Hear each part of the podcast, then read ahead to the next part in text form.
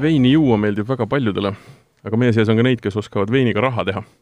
mina ei kuulu nende hulka. mina ka mitte mina võtan veini ja joon selle ära. raha kulutada.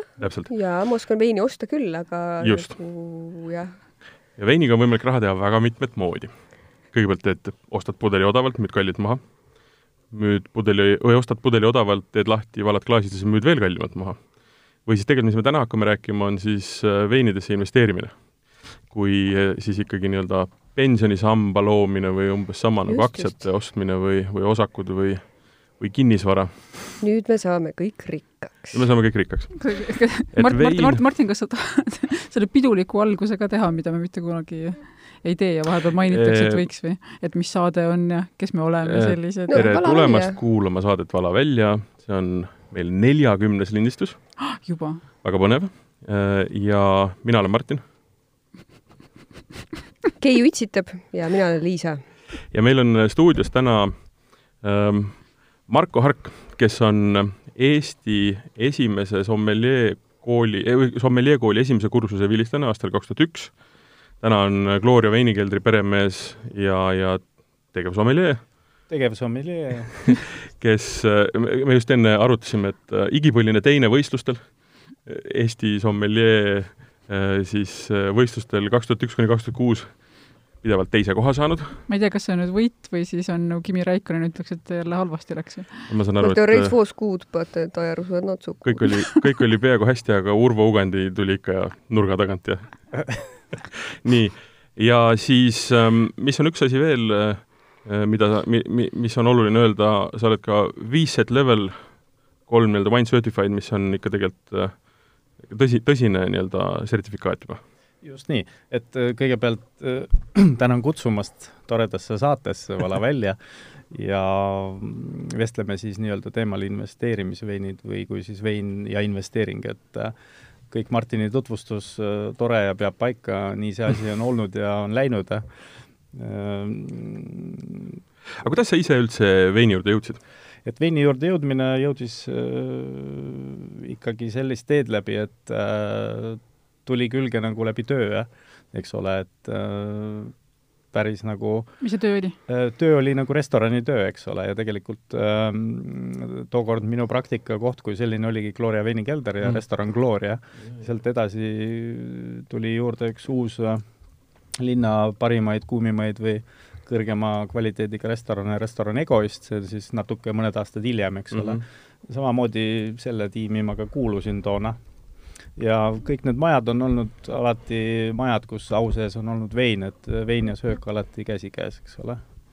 ja siis lihtsalt selleks, et veel parem olla oma töös restoranis, oli vaja ka veiniga hakata rohkem tutvuma? täpselt, et rohkem süvitsi tutvuma, et esimesed sammud olidki kuskil siis äh, ikkagi kahe tuhandel, kui kaks tuhat Äh, aastal kaks tuhat loodi siis Eesti Sommeljeede Assotsiatsioon, mis siis ka äh, tänavu tähistab oma kahekümnendat äh, juubelit, eks ole, ja kaks tuhat üks oli siis esimene õnnelik ajalooline sommeljeede kursus, mis sai siis edukalt läbitud.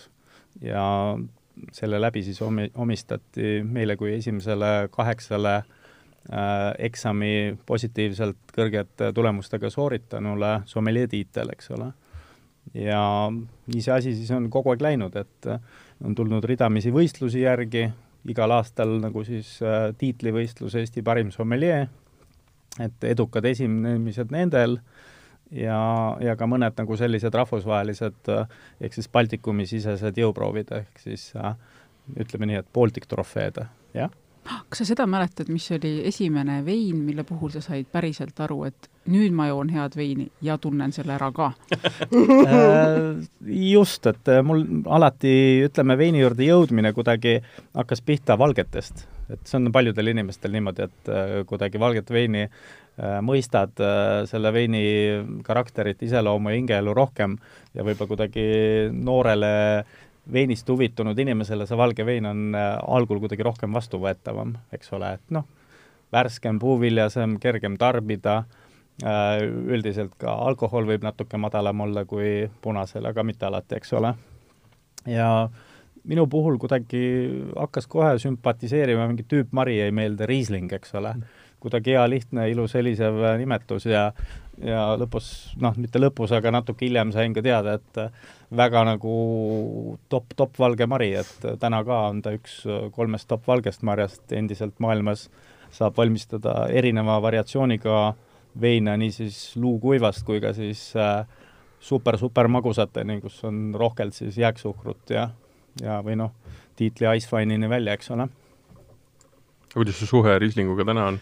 Äh, väga hästi, et äh, endiselt äh, kuulub ta minu veiniklaasi tihtipeale nii-öelda palava suveilmaga või ka siis rikam, rikkalikuma Rieslingu kujul aastalõpu detsembrikuus, et mõne jõuluroa juurde. et ikka täiesti kindlalt ka see, ka veinis peab paika see reegel, et nii-öelda see esimese, mis ta on siis, kolme või kahe sekundi reegel et sa noh, sa saad kohe aru, mis on tegelikult hea. siin käis tegelikult ja, ja, ja lõpuni, kakskümmend aastat hiljem on ka kõik siin käis äh, selle jutu alguses käis läbi üks oluline põhimõte nagu suhtest veiniga, et Marko ütles, et ta jõudis nagu veini juurde läbi töö. mina jõuan ka tihti veini juurde läbi töö. et kui mu tööpäev saab läbi, siis mul on tihti tunne, et mul on vaja veini juua just. peaaegu sama. jah, et, et noh, vein kui üldse on tegelikult võib-olla esimene eesmärk on tal, kui, kui, kui siis selline mm, hea toidukaaslane, eks ole, ja tõstab siis seda toiduelamust, et äh, jah, vahel võib ka öelda, kui toit ei ole nii hästi perfektselt maitsvalt tehtud, et õige vein sinna kõrvale, see tõstab seda elamustaset mm. kõvasti ja tublisti, et ehk siis äh, nii-öelda parandab toidupuudusi või, või siis selle toidu mm., selle roavigasid seal taldrikul, eks ole, ja hea vein oma, oma nüanssidega päästab selle elamuse, eks ole, ja et see on võib-olla see esimene toiduveini harmoonia ja teine on siis selline niisama lõõgastuv kui mhm. selline seltskonnajook ja sotsialeeri-, sotsialiseerumisjook, eks ole. aga veini armastaval inimesel, vähemalt mul, kui ma mõtlen veinile, mul läheb kohe tuju paremaks kui veel eriti mõtlen sellele, kui, et äkki varsti valatakse välja. aga kui sa mõtled veini ostmisele mina tahtsin just öelda, et kuidas selle veiniga just. nüüd, lähme nüüd ikkagi teema juurde, et kui... Äh, pää-, päästa saab toitu, aga ma saan aru, et päästa saab ka rahakotti, kui sa oskad õiget veini osta. kõigepealt tuleb seda, jah, ja, ja kas selleks tuleb käia välja rahakotist väga palju raha? Kas, kas, kas, kas, kas meiesugused saaksid ka sellega hakkama või sa hakkad rääkima nüüd juttu, mis äh, kuulub ainult äh, Eesti rikkamatele tegelikult ja meie oleme siin sellised vahendajad ainult kõrgematesse sfääridesse? no selles mõttes me ikkagi ümber tooli pealt ei kuku, istume neljajalgse tooli peal ilusti, et äh, jutt ei ole nii šokeeriv kui ka siis materiaalse väärtuse poole pealt, et pigem räägime siis veinist kui investeerimis ütleme, tootest erineva kahe nurga alt, et äh, üks on see, nagu Martin saate alguses ka tutvustas, et et noh, nagu iga äri, et äh, ostad, noh, alati osta on äh, soodsa hinnaga parem või odava hinnaga ja hoiad, müüd kallimalt maha ja teenid oma kasumi sealt, eks ole. ja noh, nii see äri käib, eks ole, aga aga jah, on need äh, ütleme, veinikaar kui selline, pead teadma, kui pikalt sa siis äh, saad seda hoiustada ja alati jälgima ka kriitikute hinnanguid, et äh, kuidas toimub selle veinikäigu, aastakäigu areng siis selles pudeli säilitamises, eks ole, ja palju tal on antud neid päevi, aastaid ja aga mis, mis ikkagi see algaja investeerija abc võiks olla, et kust peaks alustama, selles mõttes, et noh, ma kujutan ette, et kui ma nüüd tahaks hakata hirmsasti selle veiniga raha te-, tege-, te-, tegema, siis ma tõenäoliselt ei guugelda tervet internetti läbi ja ei ürita sealt otsida, vaid tõenäoliselt on kuskil olemas ikkagi inimesed või asutused, kes oskavad mulle pakkuda seda abi ja vajadusel mingisuguseid garantiisid ja noh, sina ise kindlasti Just. oskad seda Eestis teha. et äh, jah, et meie kindlasti abistame oma viidetega, aega oma äranägemiste järgi, eks ole, et äh, ja noh, nüüd ma jõuan selle teise punkti juurde, et äh, eelkõige ka alustajale, eks ole, et kui seda projekti vein kui investeering mitte võtta sedasi, et nüüd ruttu osta palju ja siis hoida ja kõik need ruttu realiseerida ja ja saada siis palju kasumit nende tehingute pealt, vaid pigem, et kui harida ennast ja ennast täiendada, et nautida just küpset veini mingi ajamoment, et see on ka väga tähtis faktor, et noh, ma võrdlen seda lihtsalt äh, nagu puuviljaga, et kui sa ostad mitteküpse puuvilja poest või turult, noh, ei ole kõige parem elamus, eks ole. on see siis äh, mõni, mõni eksootiline puuvili või kodumaine, aga asi peab olema küps äh, tarbimiseks, eks ole, et samamoodi ei tohi ta olla üleküpsenud, ehk siis juba peaaegu nagu riknemise ohuga, et samamoodi ka veinil on see, et et äh, häid veine tuleb juua tema kõige paremas äh, vanuses, eks ole, et nii-öelda tema nagu selle ajakaare või elutee tipus olevas momendis, eks ole, seda peab teadma ja tuleb katsuda tabada, eks ole. ja, ja sellega te suurendate seda oma äh, elamust, mis te sellest veini tarbides siis saate, eks ole. et äh, ostate, soetate veini, maksate sada protsenti raha, aga ütleme, tarbite seda veini valel momendil, jääb teil võib-olla naudingust äh, kolmkümmend, nelikümmend protsenti nautimata, eks ole, kuna oleks võinud oodata võib-olla veel kuskil neli, viis, kuus aastat. et kui see vein äh, pudelis muutub, areneb edasi, tal on nagu potentsiaal pudeli laagerduseks ilus olemas, et selline on see nagu mõtteviis, eks ole. see on see koht, kus siis investeerija peaks hakkama mõtlema, et mõni, mõni samm ette või? oota, aga räägi ikkagi, kuidas see välja näeb, et kes see kesk, kes see tavaline inimene siis on üleüldse, on mingisugune profiil, et kes see keskmine investeerija on või kes tuleb, kuidas ta tuleb, mis ta küsib? mis sa vastad talle et äh, noh, ütleme, et äh, kui vein kui investeering inimese jaoks, kes juba tuleb sellise profiiliga ütleme, potentsiaalne klient, siis äh, temal on juba taust olemas, veinitaust ja kogemused, et tal on juba mingi äh, süvitsi mm, olemasolev selline juba pisik küljes, et ta tahab veel ennast täiendada ja ta tahab võib-olla midagi soetada konkreetselt. et äh, jah, on sellised külalised nii-öelda või kliendid, aga samas on ka kliendid, kes siis tulevad lihtsalt hobina, koguvad eelkõige infot, et noh, algul iga, iga, iga sellise mida iganes investeeringu äh, selgeks tegemine nõuab äh, infot, eks ole, et sa viid info endani, kuidas see asi käib, mismoodi, et äh, kuidas saab nagu teha esimesed sammud, eks ole. et äh, mina kui veinieksperdina ma kindlasti ütleme, annan nõu, et millistesse veinide, milliste veinide poole üldse tasub vaadata, eks ole. et neid niisuguseid tiitliveine maailmas on kuskil sada nimetust ja need põhiliselt pärinevad vanast Euroopast, ehk siis võime lugeda Prantsusmaa, Itaalia, Hispaania, võib-olla ka natuke juba Portugali. Ja samamoodi siis äh, uute maailma, uue maailma äh, parimate veinipiirkondade siis sellised ka kultusveinid, et äh, tihtipeale on nad äh, koostöös äh, näiteks kahe pere omanduses olev Euroopa pere, kes on siis äh, leidnud partneri seal uues maailmas ja teinud sellise ühistööprojekti, noh, siin on mitmeid näiteid, näiteks Opus One, California, hästi kuulus äh, vein siis äh, kaks pere, äh, Rothschildid ja Mondavi, eks ole. Läheb kahtlaseks.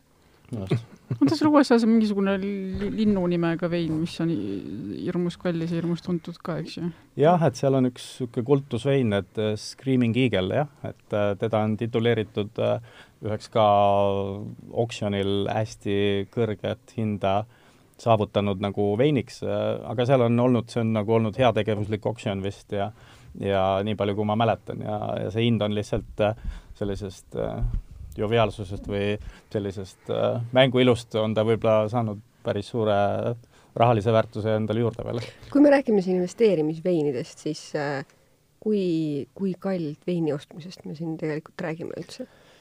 Ütleme, mis see alampiir on võib-olla just, just, just, et, et mis see vahemik nagu, mis see vahemik võiks olla, mis on see alampiir, kus see algab ja mis on selline optimaalne investeerimisvein? noh, iigli eest maksab mitu tuhat ilmselt, aga kindlasti isegi rohkem. mitukümmend ma tahaks ka öelda, jah. mitukümmend, et no, seal jah, et ma olen lugenud mõnest. seal jah, mingisugune oksjoni hind kuskil Californias ka küündis ühe pudeli eest kuskil seal võib-olla viissada tuhat dollarit, pool miljonit, et noh no., võib vabalt juhtuda nii. keskmine hind olevat viis tuhat üheksasada dollarit oota okay., aga enne kui äh, Liisa küsimuse juurde lähme, mis on juba tsipatetailid, teeme ühe asja enne selgeks. ma ei tea, see on minu arust äärmiselt oluline. raha on, raha loeb. ma, kuula, ma kohe põhjendan, miks ma seda küsin enne. et äh, mis on need konkreetsed valdkonnad, kuidas see investeerimine käib? Sest et äh, ma Markot äh, nii-öelda piinates kirjutasin Gurmani juunikuus sellest ka loo ja ka minule tuli väga põnev see, et noh, mida me kõik eeldame, et kuidas me alustame veini investeerimist, on see, et me lähme Marko juurde ja Marko müüb meile pudeli. ja siis me lähme, kui meil uuesti raha on, müüb, müüb ta meile teise pudeli ja me paneme selle omale salve ja siis me hoiame seda ja ja ei joo ära vahepeal. ei joo vahepeal ära, nii, ja see on no. täiesti okei okay aga on tegelikult veel hoopis teistsugusemad viisid, on viis näiteks seda, et sa ostad terve tünni ja sellega hakatakse mingit mahtimissiooni tegema. see, see ei ole üldse sinu keldris? ja see ei ole sinu keldris absoluutselt, sa ostad nii-öelda optsiooni, siis on sul see pudelite asi, siis on sul veel noh, ja, ja siis järgmine asi, miks ma selle hinnaga nüüd korraks piduri tõmbasin, on see, täpselt seesama asi, et ja seda vist ka Marko mulle rääkis, et et müüdi pudelit turul ka oksjonimajas Äh, mille väidetav omanik oli äh, Thomas Jefferson või Thomas Washington. Noh, selle veiniga ei ole mitte midagi peale hakata, sellepärast et see vein on nii vana, ta on praktiliselt läbipaistev juba, eks ju, ma kujutan ette, et ehk siis aastakäik oli tuhat seitsesada midagi, kui ma ei eksi, siis oli vist äh, Chateau Haut-Brion või oli Chateau Latour. ja sa, ja sa ostad põhimõtteliselt nagu maali või, või, või mingisugust äh, nii-öelda skulptuuri, eks ju. et see, sellepärast ma tahtsin korraks, et, mis mm -hmm. need, mis need, kuidas need jagada milline, mis see investeerimine on, kuidas, kuidas see nagu käib? mis need valdkonnad on, kuidas nendele läheneda? jah, üks võimalus on, tuled sinu juurde, ostad pudeli ja hakkad niimoodi vaikselt minema, just, just.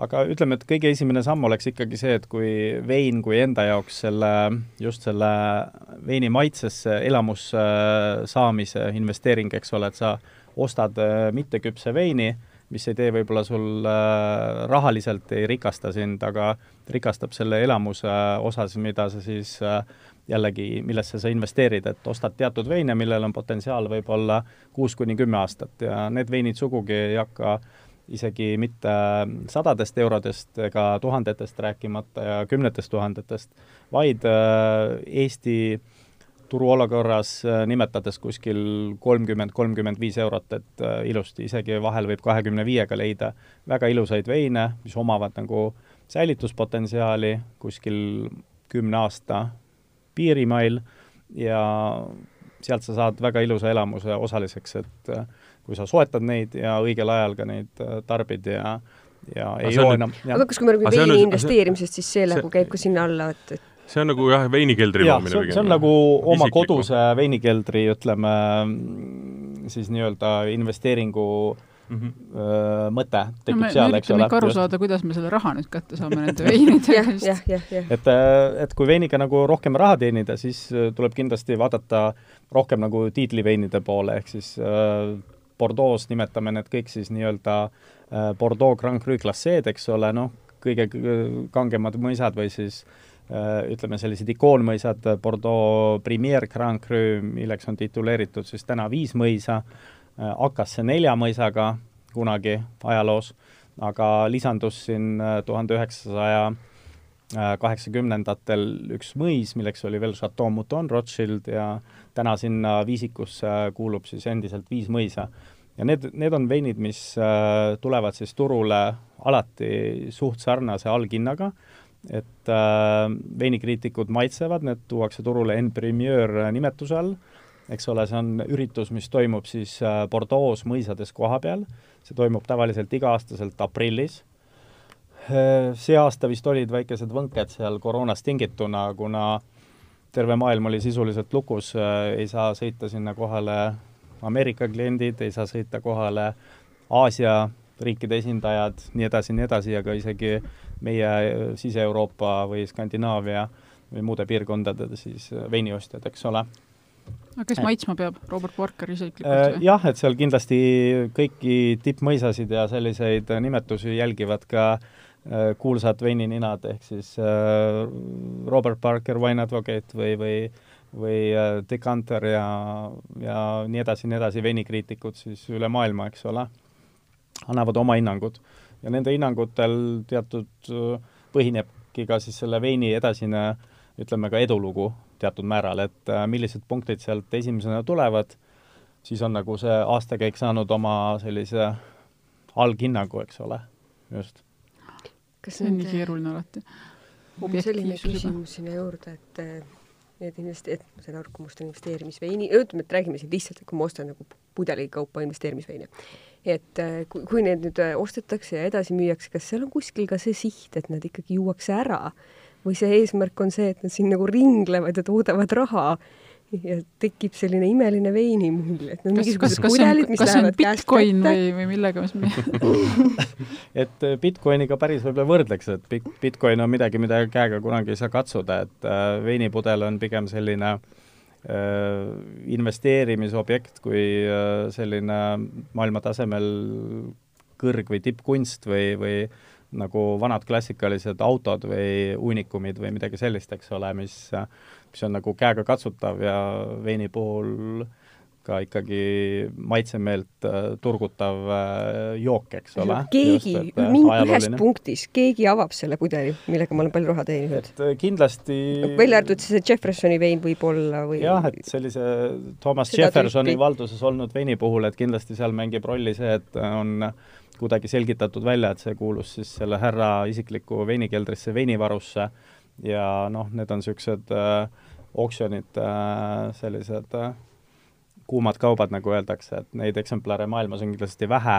Ja kui need on nagu tõendatud ka, et see vein tõesti pärineb siis äh, selle härra isiklikust keldrist, siis äh, loob juurde sellist ajaloolist aspekti ja ja kindlasti kergitab selle pudelite hinda äh, mitmekümnetes kordades tegelikult, eks ole. kas siin on muidugi jällegi need, need, nii need igasugused äh, Screaming Eagle'id kui petrused kui sellised asjad, et noh, need liiguvad täiesti teises ringkonnas ringi, aga kui me räägime nüüd jällegi lihtsalt ütleme tagasi Eesti konteksti ja, ja kui ma tõesti äh, olen endale muretsenud selle suurepärase potentsiaaliga kahekümne viie või kolmekümne viie eurose veini, siis kuhu ma temaga pärast lähen, kellele ma teda müüa saan või kuidas, kuidas nagu see käib? jah, tuled, keeli ise, Martin, ostke ära no siis loodame, et Martin parajasti tahab. kui sa udu, udu võimalikult palju juurde ajad, muidugi ma ostan ära ja näed, ongi väike raha teenitud. et äh, tõenäoline selline kahekümne viie, kolmekümne eurone veini investeering tehes, eks ole, sellega te eelkõige te hellitate iseennast või oma sõpru või lähikondlasi, et äh,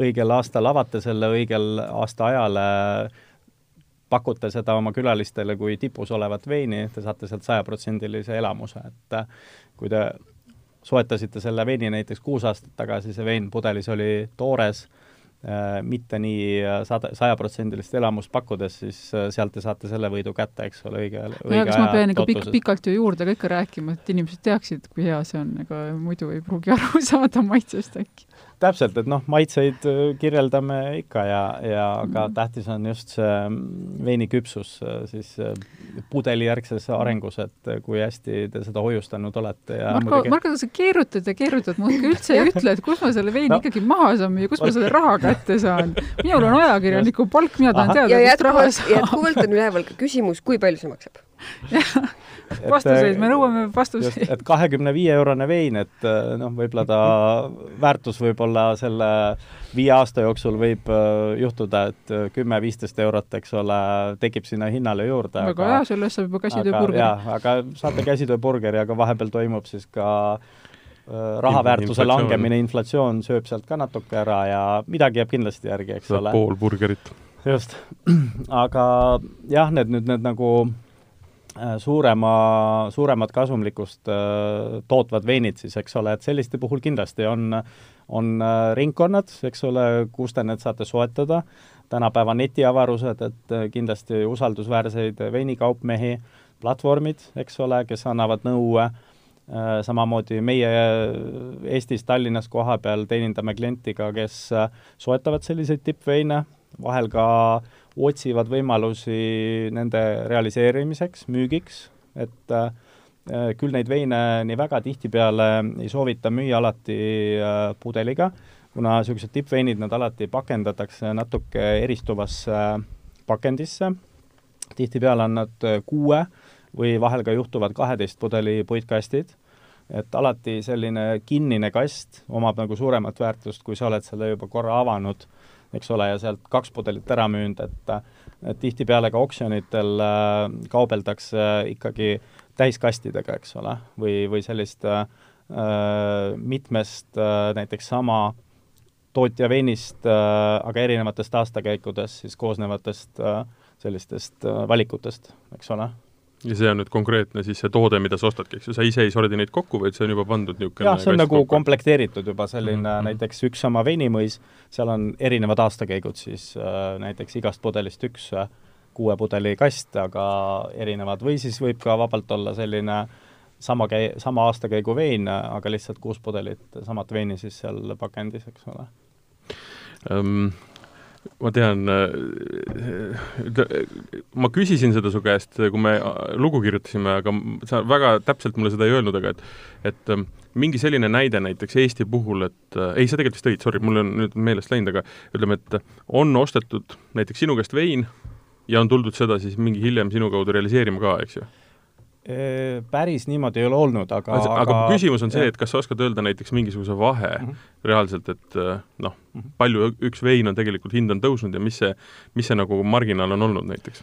no ütleme niimoodi, et äh, noh, nii kordadest rääkida, korda kaks, korda kaks koma viis äh, võib nagu mõne veiniga tihti juhtuda, et isegi kuskil siis kuue, kuue-seitsme aasta perioodi sees, et ja kõik täpselt oleneb sellest, et äh, kui, kui kättesaadav see siis konkreetne vein nagu parasjagu on, eks ole, see aastakäigu reiting, et äh, samamoodi ka tippveinidel võib olla niimoodi, et äh, on nagu ütleme, sellised exceptional aastakäigud, mis maksavad alati rohkem kui selline keskmise taseme aastakäik või, või selline ütleme, selline tavaline aastakäik, eks ole, ja võivad ka olla täielikud hinnaerinevused, eks ole, just et niisugused äh, legendaarsed kõrgete punktidega aastakäigud on alati kõrgemate hinda, kõrgema väärtusega kui siis niisugused mitte kõrgete skooridega aastakäigud, jah.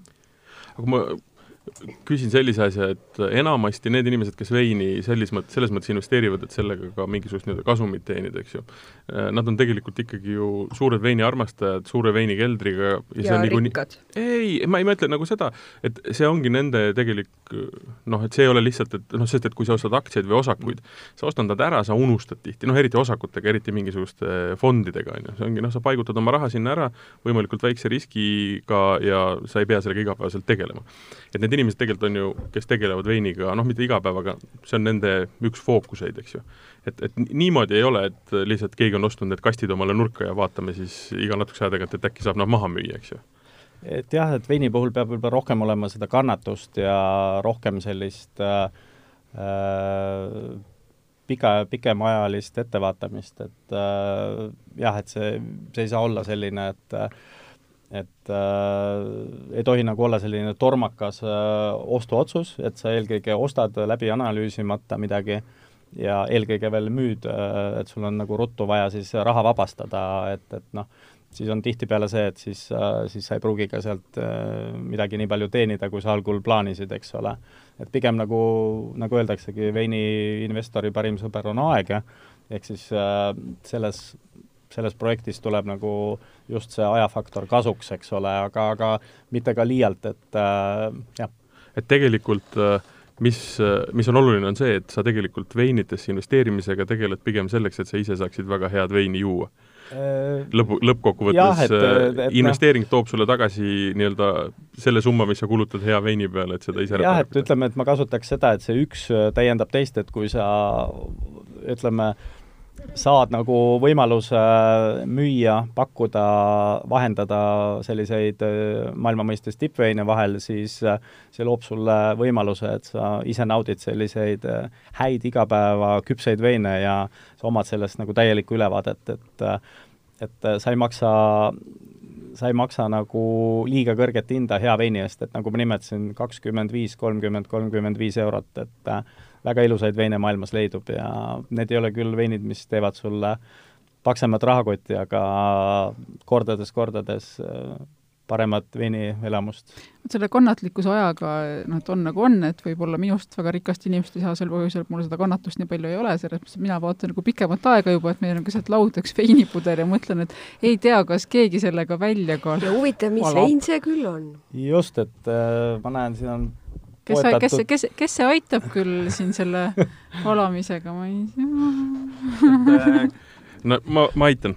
Seni, seni... me ulatame pudeli Martinile lahkelt. ja Marko saab seni kaua rääkida, millega tegemist on. millega siis tegemist, et äh, kuna täna me nagu käsitleme ka nagu investeerimisveini puhul on alati see aeg on siis äh, nii-öelda veini, veinijooja või veinisse investeerija parim sõber, et et täna maitseme sellist äh, vanemat veini, eks ole, et tegemist on siis äh, aastakäiguga tuhat üheksasada üheksakümmend seitse, et äh, noh, ei olnud just mitte väga ammu tagasi, aga ka mitte just hiljuti, eks ole, et märkimisväärne vanus, et tänaseks siis veinil kakskümmend kolm aastat vanust.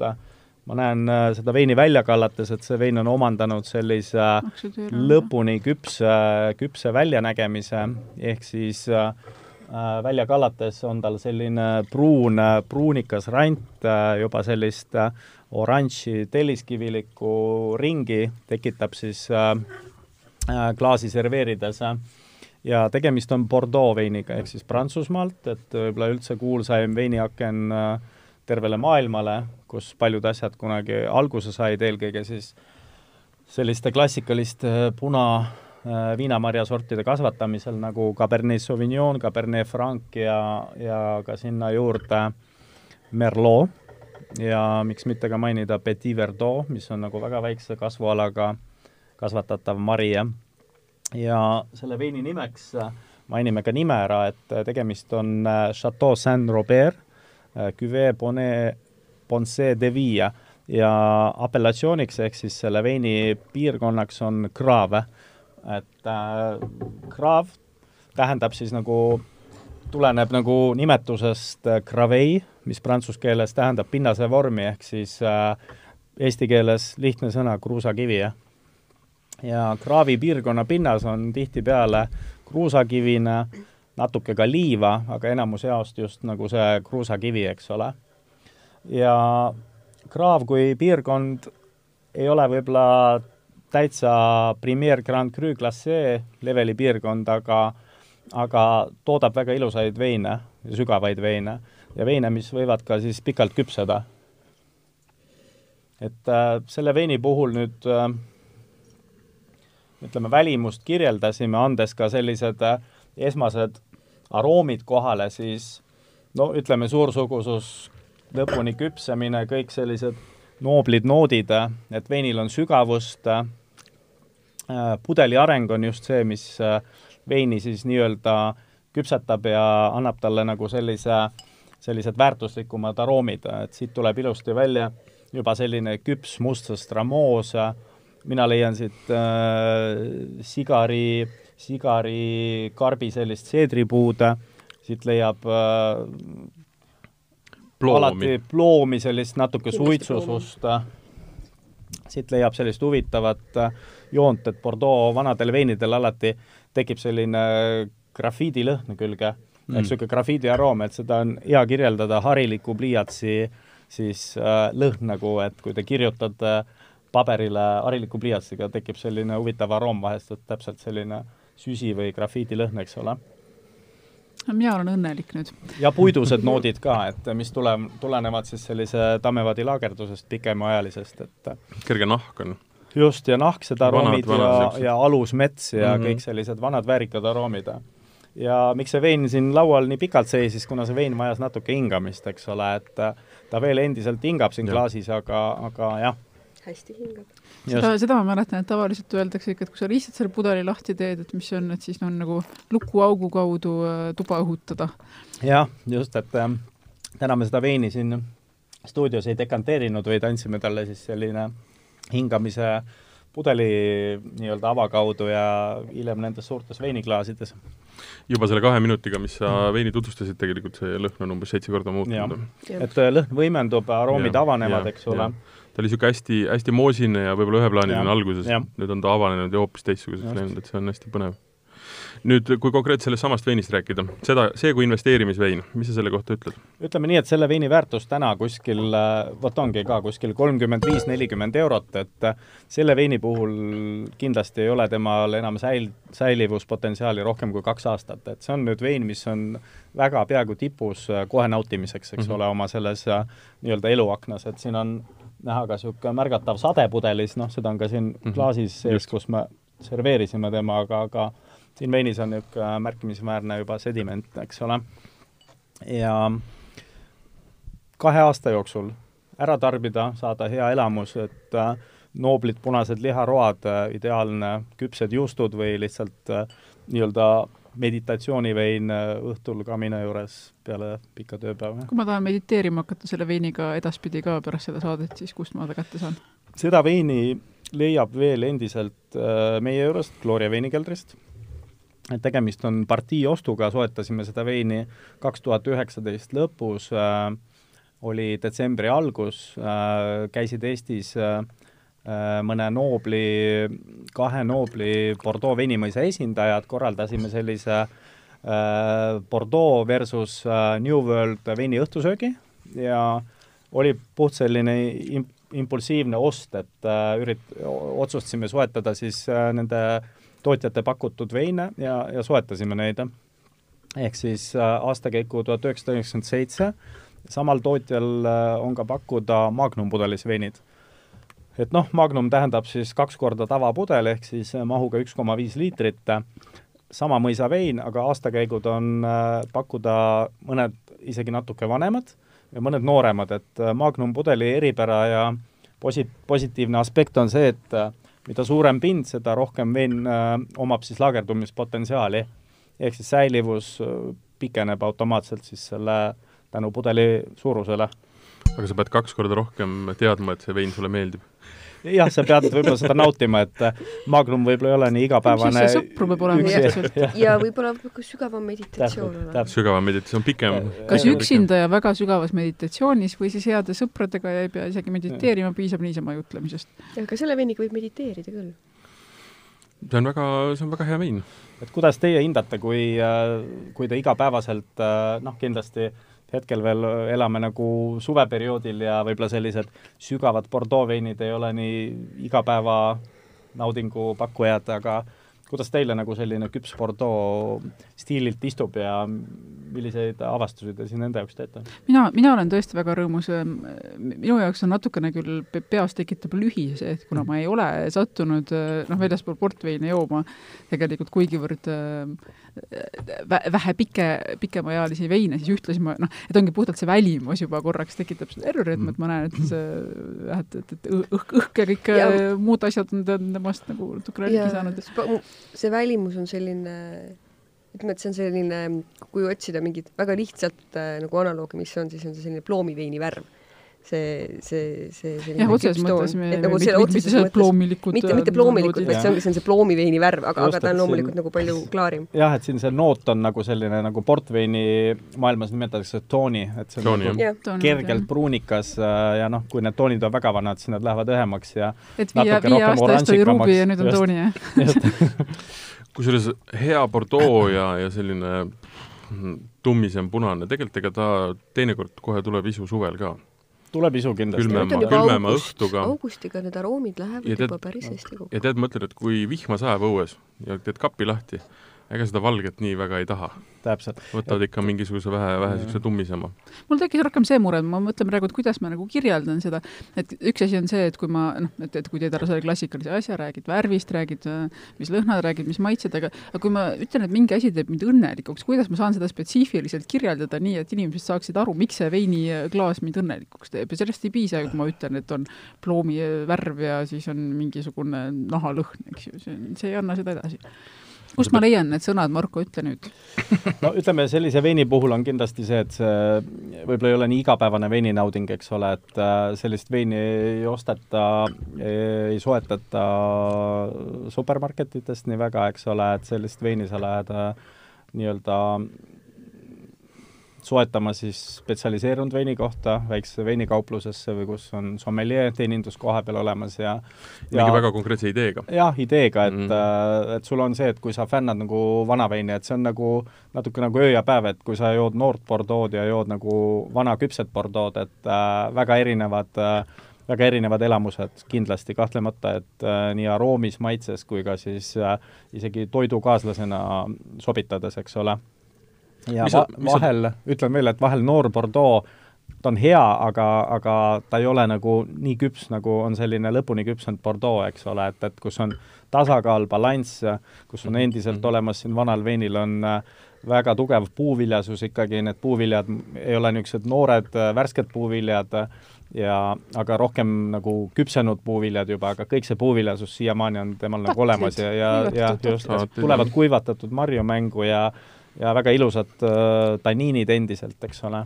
aga pehmed? just, ma tahtsin öelda pehmed tanniinid. sametine, just, just. aga ma tahaks öelda, mul äh,, ma võin Keiule öelda nagu millisel äh, spetsiifilisel moel see mind rõõmsaks tegi, sest need äh, see on selline, nüüd on see nostalgiakirjelduse koht.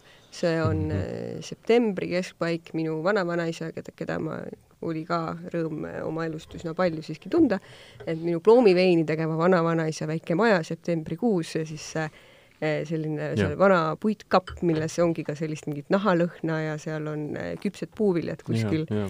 ja siis natuke päike, päikest paistab ka see on kõik sellega, mis sa oled ise kogenud kunagi. keegi eile just rääkis seda, et ta nuusutab veini ja siis tal tuleb märja asfaldilõhn. ja kellelgi on see meeldiv, kellelgi ei ole see meeldiv, kellelgi seostub see lapsepõlves läbi loikude jooksmisega, teine, teisel on ma ei tea, mis noh, mingi negatiivne asi, eks ju.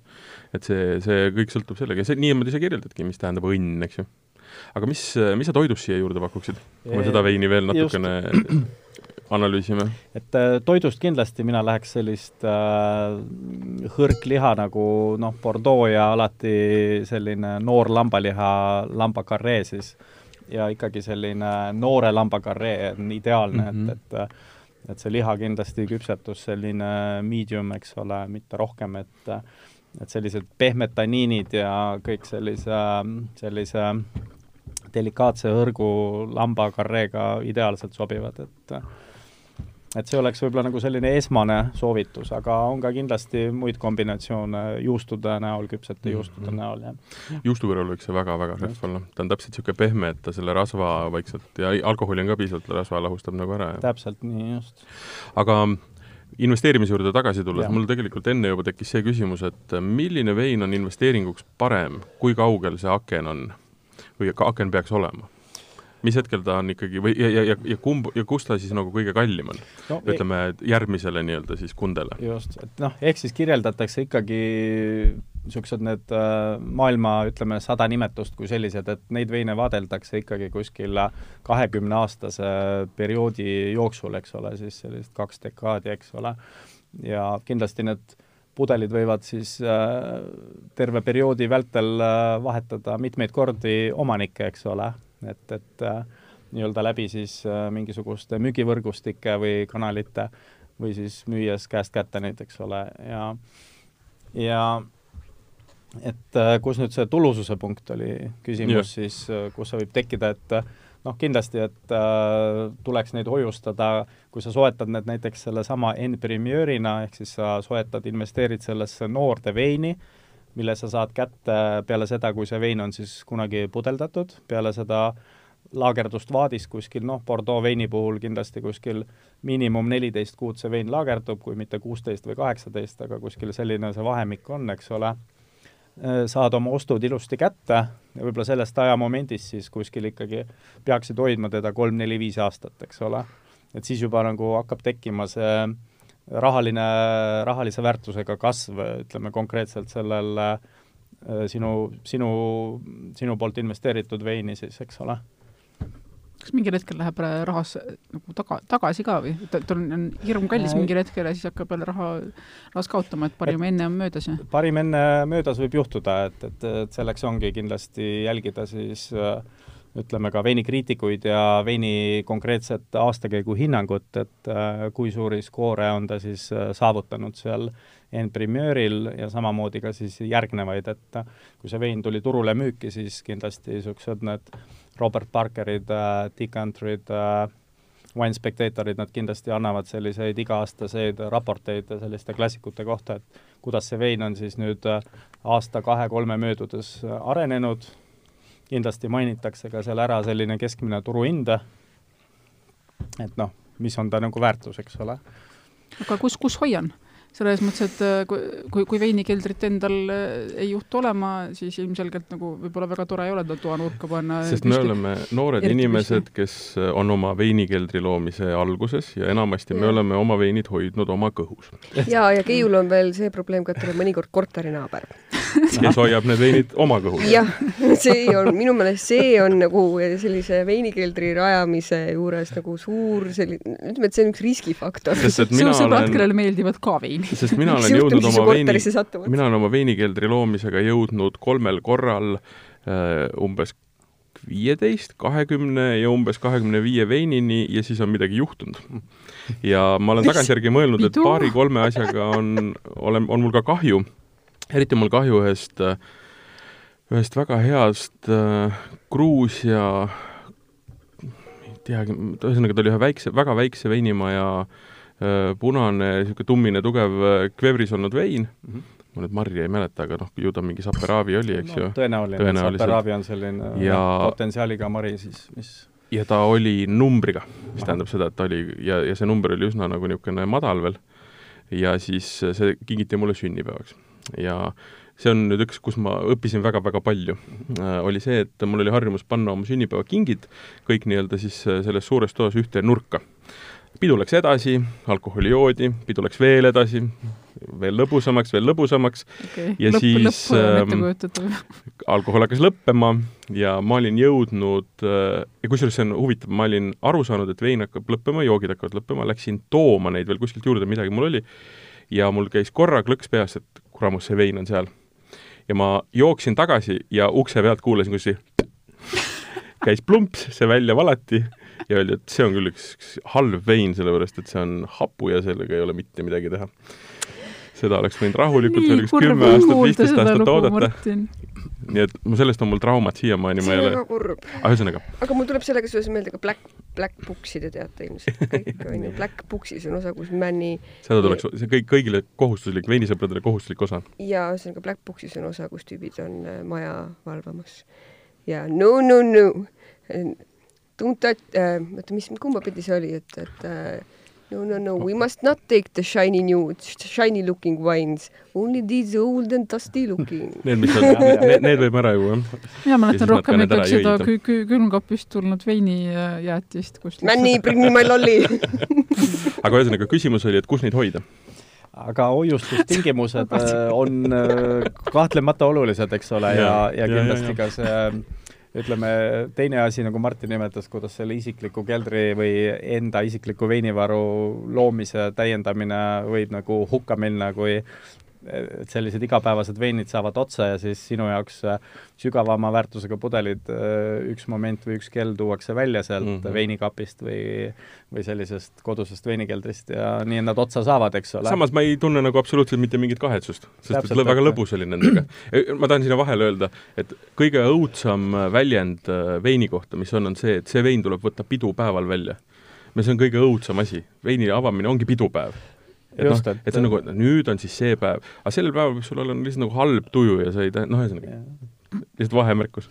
just, et äh, vein kui selline kindlasti, et iga päev on pidupäev ja, ja miks mitte, et äh, iga päev väärib äh, klaasi poolteist veini, eks ole, et äh, võib-olla meie terviseametnikud nii ei arva, eks ole, aga, aga noh, eelkõige kui sa veini naudid äh, toidukaaslasena ja, ja, ja see mõõdukas pokaalike söögikorra juurde eelkõige siis õhtul, siis ei saa öelda, et see kõige halvem äh, otsus või tarbimisharjumus on, eks ole. aga need tingimused, korteris on võimalik kuskil Äh, pidada või tegelikult tuleks ikkagi leida mingisugune vähe jahedam, pimedam saan kohta laenata kellegi käest et äh, jah, et võib-olla kui soovid ja säilitada neid veine enda valdustes kodus, siis kindlasti korteritingimused või muud sellised lahendused, nad ei loo. Kindlasti võimalusi kaevata kuskile alla keldrisse või ehitada siis äh, kortermaja alla kelder, kus äh, võivad igasugused muud riskifaktorid tulla ette, et äh, keldrid on täis igasuguseid äh, soojatorusid ja igasuguseid muid asju, vahel temperatuurid kõiguvad, niiskused ja äh, närilised ja igasugused muud äh, asjad, siis äh, tasuks seda investeerida kodusesse veinikappi, eks ole, mis Aga- tempereerib ennast ise, kas üheastmeline, kaheastmeline, erineva suurusega, oleneb, et äh, seal võib minna kuni paarisaja pudeli kapini välja ja kodus omades juba paartsadat pudelit, see juba on üht-teist, eks ole, kui et ma kujutan ette, et kui no on täiesti võimalik rentida endale kapp, kus hoida kas oma vanema või oma isiklikku urni, siis küllap peab olema võimalus rentida endale ka koht, kus hoida oma veini.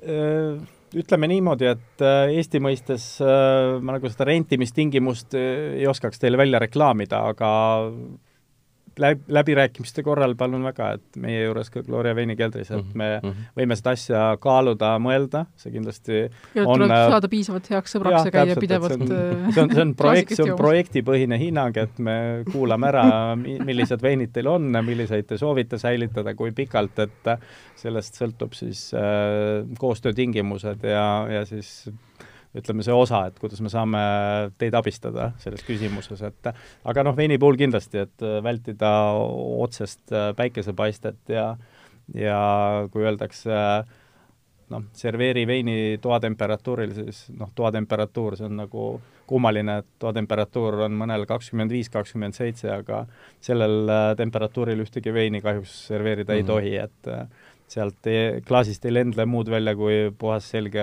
alkohol, eks ole, ja aga kui rääkida sellest, et, ähm, et kuidas nii-öelda neid veini osta ja müüa, siis üks äh, nii-öelda ühe, ühe variandi me rääkisime ära, et ongi tulla nii-öelda kohalikku nii-öelda veinikeldrisse, praegu siis Gloria veinikeldrisse, seal on olemas, just, olemas eksperdid, kellega on võimalik nii-öelda siis leida kas siis investeerimisvein, isikliku keldrisse vein ja need ka hiljem võib-olla siis maha müüa, aga mis on muud kanalid? Kindlasti ütleme, nii-öelda suured oksjonimajad müüvad. suured okay. oksjonimajad, eks hoopis teised, hoopis teised kogused, hoopis teised hinnad tõenäoliselt, aga ma saan aru, et on ka tegelikult mingid täitsa veebilehed olemas, kus sellega tegeletakse, mis need kanalid veel on, kus sa saad äh, selle nii-öelda investeerimise või ka veini ostmisega nagu tegelema hakata? ütleme kindlasti oksjonimajad on siis need, kus äh, võib-olla ligipääs äh, noh, nii-öelda nimetame inimesele tänavalt on natuke keeruline, et sa pead olema võib-olla selle oksjonimaja klient, täitma mingisuguse äh, registreerimisvormi, sellega kaasnevad mingid kulud, et sa saad seal oksjonil esa-, osaleda, noh kindlasti on nad nagu veebi kaudu ka äh, mõeldavad, tehtavad, et ei pea oksjonimaja, majja ise kohale sõitma selleks kuupäevaks, selleks kellaajaks. aga kindlasti väga kulukas projekt, eks ole, et aga kindlasti igasugused online platvormid siis äh, nii-öelda või vahendajad äh, on välja toodud nimi Cult Wines, jah et mis kindlasti ka soovitab, annab äh, suunaviiteid äh, esmaste sekundaarsete või, või juba nagu suuremahulisemate sammude tegemiseks, et aitab koondada kindlasti valikuid, aitab langetada ostuotsuseid, mida kui palju, et siin on jällegi noh, maailma mastaabis nimetatakse summasid, et ikkagi tasub investeerima asuda kuskil ikkagi viiekohaliste numbrite piirimailt, ehk siis äh, mõnekümned tuhanded eurod ja pluss ülespoole, aga aga jah, need on äh, nii-öelda siis võib-olla suure Euroopa ja sellise pikema veini ajalooga veinimaade tarbimisharjumused, eks ole, ja noh, ütleme, ühelt poolt on see mõistetav, et veini, kui sa asja nimetad endal veinikeldriks, siis veinikeldris peab olema variatsioone, mhm. sügavust, erinevaid aastakäike, erinevaid regioone, et äh, seda võib ka võrrelda siis, kui sinu äh, aktsiaportfelli, eks ja. ole, et sa äh, investeerid erinevate äh,, erinevate äh, harude siis või, või, või erinevate valdkondade väärtpaberitesse või aktsiatesse, et äh, veini puhul samamoodi, et äh, pead omama siis seda regiooni, teist, kolmandat või sulle rohkem sümpaat-, sümp-, sind sümpatiseerivamat äh, piirkonda, regiooni, eks ole, või ma tahtsingi saate alguses küsida seda, et kust läheb piir äh, nii-öelda isikliku veinikeldri ja siis nagu invest-, veini investeerimise vahel ja ma saan aru, see on umbes kakskümmend tuhat eurot. kuidagi no, niimoodi jah ja, umbkaudu võib seda nimetada, eks ole, et äh, jah, et ega tänapäeval paljudel inimestel on ka see veinikeelder, et see on nagu väike hobi, eks ole mm, -hmm. et, et kui see ei ole sul ärilisel eesmärgil üles ehitatud, siis ongi eelkõige see punkt üks, et enda jaoks, enda sõprade, enda külaliste võõrustamiseks tarbida hästi küpsenud veini, et äh, jah jood, jood seda, mis sul meeldib, eks ole, ja mitte nagu top hinnas, aga top veinielamuse poole pealt, eks ole. ja siis ostad alati seda veini rohkem, sellepärast et kui see sõber, kellega sa jood, talle vein meeldima hakkad, sa tuled talle maha müüa. täpselt Võid..., see, see võimalus tuleb ah. alati no, yes, ma hakkan teid, ma hakkan Martinit nüüd nagu teatud kahtlusega vaatama et äh, mina, mina ise ka nagu alati pooldan seda, et veini kui seda, et alati osta nagu kastidega, et kuuesed mm. kastid, et äh, kui sa tõesti fännad seda konkreetset äh, seda veini stiili või seda tootja käekirja või seda piirkonda ja kui sulle see meeldib, et äh, sul on alati võimalus proovida selle tootja erinevaid aastakäike, et äh, sõpradega saab sellest, jagada rõõmu, see on sõpradega saab peamine. jagada, et see ongi peamine, et kui sul on ikkagi mitmed pudelid äh, mitmed kastid, siis Muidugi. on võimalust jagada ja ühe pudeli jagad, ülejäänud müüd ära. oled sa kunagi kohanud kedagi, kes äh, veini absoluutselt ei salli, mitte midagi ei tea, aga te teab, et saab äh, äri teha ja lihtsalt niimoodi tuimalt investeerimisprojektina kasutabki? ütleme, et kahjuks äh, isiklikult ei ole vestelnud sellise inimesega, aga ma peaks uurima, et mm. -hmm. vot mul ei ole sellist küsimust isegi pähe turgatanud, et et mõni inimene, kellele vein ei meeldi üldse kui joogina, kui sellise mm. -hmm elamuse pakkujana või sellise pika ajaloona joogina, aga ta investeerib veini, et ta ise näiteks noh, ütleme, veini kui sellist ei hinda, et ta vaid vaatab seda kui investeerimisobjekti, et ei no kindlasti lihtsalt ma mõtlen, et selliseid näiteid ju on, et hoopis minna täiesti teise Jaa, valdkonda jaa. korraks, siis ka, ka kas või minu meelest on räägitud a la pensionifondidest ja sellest, kui, kuidas riik sinna investeerib. ja no selles mõttes, et nagu jumal hoidku, mis kohtadesse investeeritakse, kaugel neist eesmärkidest või Mm. millega riik nagu keskkonnateadlikkuse või mille iganes poolest äh, peaks silma paistma, et noh, samamoodi see- miks siis ei võiks äh, veini vihkaja raha pärast investeerida. see oleks jah, võib-olla ka huvitav teada, et eh, kuhu need pensionifondide rahad Jaa. siis investeeritakse ka võib-olla kuskile veini- huvitavatesse veiniostudesse maailmas, eks ole, äkki me anname paljudele inimestele halbu mõtteid. Keiu tegi hea nii-öelda ülemineku, ma just mõtlesin, kuidas siia juurde jõuda, et äh, üks variant, kus nii-öelda ma ei taha öelda veinivihkaja või, aga ütleme võib-olla, kus äh, ei pea olema nii suur fanaatik, on see, et sa saad osta ikkagi vaadiga. ja see on nüüd üks investeerimise viis, kus sa tegelikult äh, ostad, noh, tegelikult on ta futuur, eks ju. sa ei too seda veini omale koju, sa ei Jah. pane seda vaati omale keldrisse ja ikka vahepeal kontrollimas, et ega seal ei ole lapsed nii-öelda peo ajal midagi ära joonud, vaid see on, sa ostad ikkagi põhimõtteliselt lihtsalt mahtu. ostad, ostad mahtu, aga kindlasti ostad kvaliteeti ja ostad klassikut, et jällegi noh, siin äh, selle asja tegemise, selle nimetuseks siis nimetame nii-öelda tulevikuost, eks ole, nii-öelda äh, Burgundia, teine vaateaken äh, veinimaailmale nii-öelda Prantsusmaalt, eks ole, ennem nimetasime Bordeaux en primeur nime all. Ja nüüd liigume Burgundiasse, siis äh, Hospice de Bon veinioksjon näiteks, eks ole, et äh, samamoodi toimub teisel ajal, mitte ei toimu aprillikuus, aga toimub juba eelmise aasta lõpul, ehk siis novembris, kui vein on samamoodi alles vaadis, eks ole, küpseb ja koguneb kokku hulk äh, oksjoni, nii-öelda oksjoni korraldajad kui ka kutsuvad siis asjahuvilisi ja korraldatakse siis eelkõige, see on ka nagu heategevuslik veinioksjon, kus need hinnad kasvavad siis noh, emotsioonide ja Mhm, mhm. heategevuse nimel äh, võivad küündida ka kõrgele. ja kuidas need veinid seal oksjonile tulevad, et tulevad siis erinevate kategooriatena, et nagu Burgundias ka on, on siis äh, erinevad apellatsioonid, on äh, Premier Cru'd, on Grand Cru'd ja noh, need Grand Cru'd on alati kõige hinnalisemad mm. -hmm. ja ja seal hinnad võivad ka väga kiiresti kasvada, et, et äh, vaatamata kõigele, mis maailmas äh, toimunud on, rääkimata viimasest äh, kriisist, koroonakriisist ja eelneval, eelnevast majanduskriisist siis kaks tuhat kaheksa näiteks, et et selliste klassik äh, veinipiirkondade top-veinid, need hinnad nagu millegipärast ei äh,, ei lähe nagu hinnas alla, et pigem need mm. -hmm. iga aasta, mis tuuakse turule, et äh, pigem hind kasvab alati, et äh, aga ma saan aru, et selle vaadi ostuga on ikkagi see, et sa ostad vaadi, sa omad seda, aga ega see kuskile ei liigu, sellepärast see, see teeb oma nii-öelda maturatsioonid ja kõik, kõik nii-öelda protsessid läbi, läheb pudelisse ja nüüd, kui see pudel on valmis, mis siis saab, kas see siis, mis, mis siis juhtub? Äh, jah, et äh, ütleme, nagu Martin nimetas, et äh, vein küpseb lõpuni seal vaadis, eks ole, nii kaua, kui ta siis seadusega seal vaadis peab olema, siis kui see protsess on läbitud, siis on ka võimalus, et sa võid selle vaadi koos vaadiga ära soetada mm. -hmm. reaalselt sa oled selle Jah. kinni juba maksnud äh, varem, et kõik toimub siis äh, ettemakse põhimõttel, eks ole, ja veini saad alles kätte kuskil siis äh, kahe poole, kolme aasta pärast, eks mm -hmm. ole, Mhm. seda siis äh, Burgundia puhul on.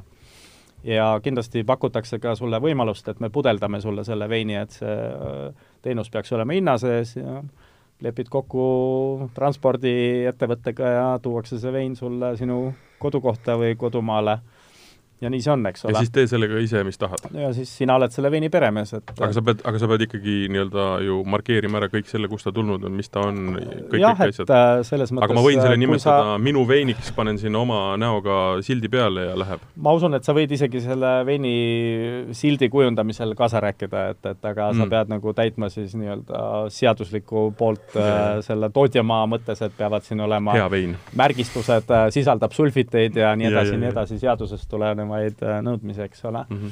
aga kui sa ostad seda endale kui äh, veini armastajale, eks ole, siis äh, eeldatakse, et see on su enda tarbimiseks mm, Mm, mm, aga mm. no sa oled suur veiniarmastaja, kuna yeah. üks äh, Burgundia vaat on kakssada kakskümmend kaheksa liitrit, see on natuke suurem kui Bordeaux vaat yeah. mis on kakssada kakskümmend viis liitrit, ehk siis äh, kakssada kakskümmend kaheksa liitrit annab sulle täpselt arvutades kolmsada pudelit veini, et äh, no pead juba olema Heavy user Just, ikkagi, aga noh, mitte ka väga hull tegelikult, ütleme niimoodi Jah.. see aasta, aasta ainult ju. natuke puud isegi lõpuks, kui pudel päevas. aga, aga ühesõnaga, kas seal on ka see loogika, et kui näiteks äh, sa ostad selle väga noorena selle vaadi endale mm. -hmm. et siis tegelikult selle kolme aastaga, kuna seda ju kontrollitakse, eks ju, ta muutub lihtsalt noh, ja otsustatakse, et tehakse vintage, eks ju, mis tähendab seda, et see on nagu kolme kuni mis iganes hind tõusnud, sa lihtsalt müüd selle tagasi sellele tootjale. Eh, vot siin ongi küsimus, kas nüüd tootja nagu on, on tal soovi seda tagasi osta, et pigem ma ja. ikkagi arvan, et äh, ma arvan, et äh, See selle peale nagu seda äri üles ei ehitata Mm, ikkagi mm. et see on see, et kui sa äh, teed nagu selle ostuotsuse ütleme, tulevikutehinguna varem ja sa ja. saad selle kauba kolm aastat hiljem, siis äh, siis äh, ma ise arvan, et see tootja konkreetne mõis või äh, see domään ei ole huvitatud selle veini endale tagasiostmisest sinult, et äh, noh, see oleks midagi uut ja huvitavat võib-olla, võib-olla jah võib-olla, võib-olla uus investeerimisnurk, et see läheb kuskil jah. Bitcoini poole. Bonsi Bonsi. nii, aga nüüd, kuna me oleme selle jutu kõik pikalt ära rääkinud, siis me võtame selle kokku, aga me võtame selle kokku niimoodi, et äh, Marko peab põhjendama ka natukene. minu küsimus on see, et räägi enda veinikeldrist. Mis sul seal on, noh, ma tean, ma juba üritasin seda välja küsida, aga seda ei öeldud mulle, et mis selle väärtus on, aga ma sain teada, mis põnevaid asju seal on mõned. et äh, mis su enda veinikeldris on ja mismoodi selle üles oled ehitanud? Eh, ja mis, ja see on see kõige olulisem asi, mis on kõige põnevam nii-öelda vein või sari, mis sul seal on? Et äh, minu veinikelder on lihtne, et äh, ma pean lugu väga Vana-Euroopa veinikultuurist äh, nii-öelda siis, kus kõik on saanud alguse, eelkõige fännan Bordeaux veine, Burgundiat ka, aga kuidagi Burgundia ostud äh, nagu ongi, terve maailma uudised on need, et Burgundia vein kogu aeg tõuseb, tõuseb ja ja hinnad äh, lähevad nagu väga kiirelt eest ära, eks ole, ja no jah Mm. et äh, see, seega nagu keldris leidub veine, et äh, mõned veinid on kindlasti, ma olen hoidnud neid isegi kakskümmend, kakskümmend pluss aastat, need ei ole sugugi minu jaoks äh, äh, veinid, mis on äh, äh, hullult kõrge materiaalse väärtusega, pigem nagu väärtusega sellest, et äh, kui ma hakkasin veiniga tegelema, ma olen suutnud neid hoida, ma ei ole neid ära maitsenud ja ära degusteerinud äh,, sõpradele ka isegi mitte pakkunud, et ma olen terved kakskümmend aastat neid nagu säilitanud, et uhku sihnusest. see on nagu lihtsalt äh, selline võib-olla iseloomuomadus, et me oleme Mm. püüdnud nagu, eks ole, mõned nagu sellised äh, väärtuslikud pudelid minu jaoks, et äh, kui õppisid veini kui sellist tundma, mul on seal mõned vanad Amaroned isegi aastast kuskil tuhat üheksasada üheksakümmend neli, eks ole, noh, kui ma nad toona võib-olla omandasin endale aastal kuskil äh, tuhat üheksasada üheksakümmend üheksa, kaks tuhat, eks Mhm. ole, noh, juba jälle mingisugune väärtus on Ja, ja. nendel pudelitel minu jaoks, et äh, kui me nüüd äh, paneme küsimused äh, materiaalse väärtuse, mis need veinid maksta võivad, noh, mis nende väärtus võib olla, võib-olla kuuskümmend, seitsekümmend, kaheksakümmend eurot pudel, eks ole. noh, toona oli Eesti kroon veel meie vabariigis käibel ainsana rahaühikuna, siis noh, ma ennustan, võib-olla selline pudel veini toona võis maksta kuskil võib-olla, võib-olla kuskil kolmesaja, kolmesaja euroga, kolmesaja Eesti krooni kanti. Kakskümmend eurot. Mis muidugi aga, toona aga, oli aga see toona oli midagi hoopis muud. et toona see raha oli hoopis midagi muud, et see jah, võis võib-olla olla pool kuu palka, eks ole mm, -hmm, see Mhm, pudel mm, mhm, -hmm, pudel veini, mhm. et noh, aga noh, nii-öelda siis näeme ära selle raha inflatsiooni, eks ole.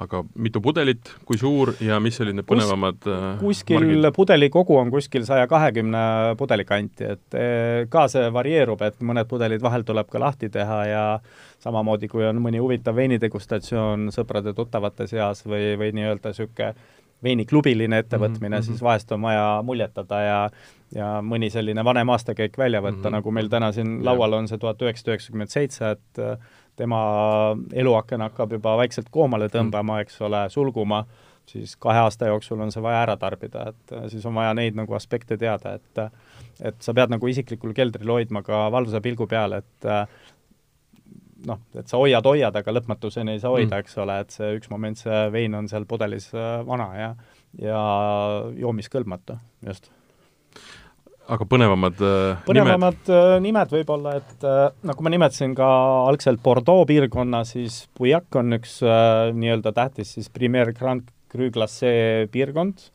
Ja Mouton Rothschild, Chateau, Chateau Mouton Rothschild, et äh, veinil on huvitav lugu, pikk värvikas ajalugu, et äh, täna siis tema on viimane, kes siis liitus äh, Premier Grand Cru Glacé nii-öelda siis Äh, nelikuga, et mhm. ennem oli seal algselt neli mõisa ja tema oli siis viies, kes sai selle tuhande üheksasaja kaheksakümnendatel, eks ole, ja iga aasta kujundab veinietiketi keegi maailmakuulus kunstnik, et seda on teinud äh, mitmed, äh, mitmed kuulsad, mit-, mitmed kümned kuulsad kunstnikud, Dali, Picasso, Chagall, Joan Miro ja nii edasi nii edasi, ja see on ka nagu niisugune heategevusprojekt, et äh, olen kuulnud, et äh, kunstnikele ei maksta miljonites, tuhandetes eurodesse küündivaid äh, honorare, pigem jah, et äh, see on nagu selline kokkulepe siis toonase mõisaomanikuga, toonase paruniga,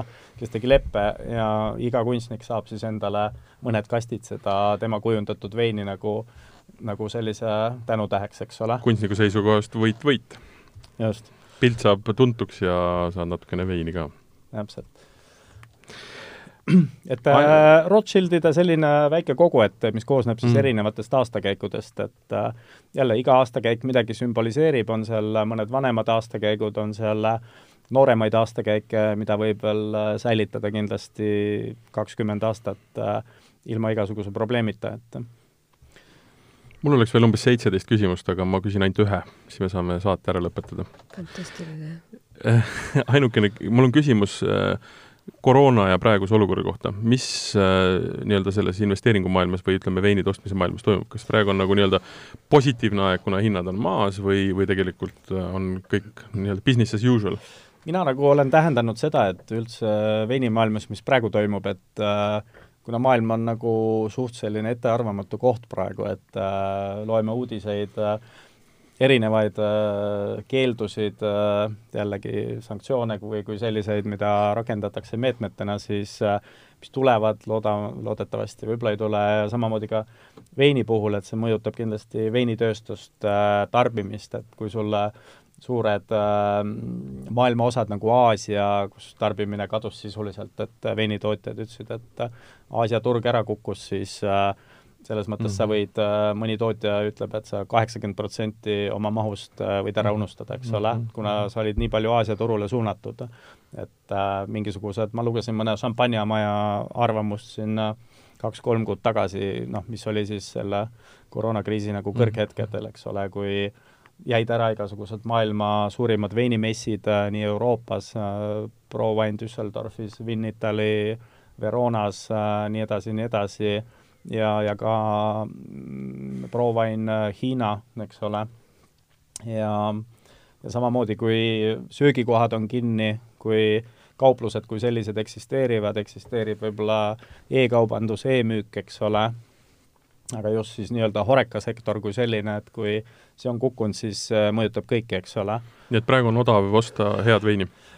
Ma ütleks, et jällegi need tippveinid, äh, nende hind ei kuku, et mm. Äh, minu arusaam on see, et äh, ei mõjutanud neid ka näiteks kahe tuhande kaheksanda aasta kriis nii hullult, et isegi siis, et šampanjatootjad rääkisid, et et šampanja tarbimine on endine, et tekkis suur majanduskriis, aga need inimesed, mm. kes armastavad šampanjat, kellel on võimalused ja harjumused äh, ikkagi see kultuur jätkus, et see, see, see vist, kui, kui ma nüüd järele mõtlen, siis on ju räägitud ka praeguse kriisi ajal sellest, et kes ei kaota sellest kõigest mitte midagi, on maailma rikkamad. maailma rikkamad rikastuvad ja siis ja, et... vist, et nende puhul joovad ikka šampanjat, aga ma olen ka vestelnud Eesti-siseselt paljudega, et äh, isegi Eestis äh, paljud veinimüüjad, kaupmehed või asjaarmastajad, tuttavad sommeljööd, et on öelnud, et ega Eestis šampanjamüük isegi praegu koroonakriisi najal on kuidagi kasvanud mm., et iseenesest on seal paar võib-olla niisugust põhjenduslikku aspekti, et inimesed praegu ei reisi nii palju, ei saagi reisida, ei ole väga kasulik reisida, samas sa tahad endiselt elamusi mm, -hmm. sa tahad ikkagi noh, jah, kodutoit on hea kodune iga päev, aga vahel sa tahad ka väljas süüa ja selle väljas pakutava söögi juurde juua midagi, midagi head, miks mitte kas siis šampanjat või head veini ja selle reisimise arvelt äh, see fond, mis sul oli plaanitud võib-olla reisi peale, võib-olla teed need äh, kulutusotsused ümber siin oma kodupiirkonnas ja lubad saate... endale midagi paremat, eks ole saate kokkuvõte on see, et luksus ei kao, aga meie siin vist niipea veini investeerima ei hakka. umbes nii šampanjaga on lihtsalt ka sellest jamast palju lihtsam läbi tulla. täiesti nõus um, väga äge. mina küll ütleks niimoodi, et me ei hakka veini investeerima. ei no selles mõttes, et elamustesse kindlasti no,. elamustesse igal juhul. ja, ja, ja. veinikultuuri, jah? veinikultuuri noh, me siin oma saatega oleme veinikultuuri ja joogikultuuri osa, me üritame siin tuua erinevaid ägedaid teemasid inimeste ette. ühesõnaga, kui on huvi, siis Gloria veinikelder on avatud, Marko annab nõu müüb teile ka esimese nii-öelda seemne just, et esimese seemne sinna teie isiklikku keldrisse veinikogusse, et äh, teeme esimesed sammud ja ja peaasjalikult saab nõu. saab sealt vist maitsvat veini. saab maitsvat veini ka ja, ja. saab kohapeal degusteerida ja samamoodi jah ja noh, see vist on nagu vähe, vähe paremaks läinud, aga kunagi õudselt kardeti kõiki veinimaju ja asju, veinikeldreid, et noh, et seal peab õudselt sirgeselgselt ja õudselt palju peab teadma. tegelikult mine küsi, inimesed on toredad ja annavad sulle veini ja siis on veel toredam. joogisaade Vala välja, veini investeerimine väga-väga tore, mina sain targemaks, ma loodan, et teie ka. mina olin Martin. ja ma olen ikka veel Liisa, sain küll targemaks. ja järgmine saade, meil päriselt ei ole midagi kokku lepitud aga me leiame mingi laheda asja jälle, millest rääkida, üks tunnike, sisustada teie aega eh,. aitäh, Marko! tuleb! selge, tänan kutsumast ja oli meeldiv muljetav. ja oli maitsev. oli maitsev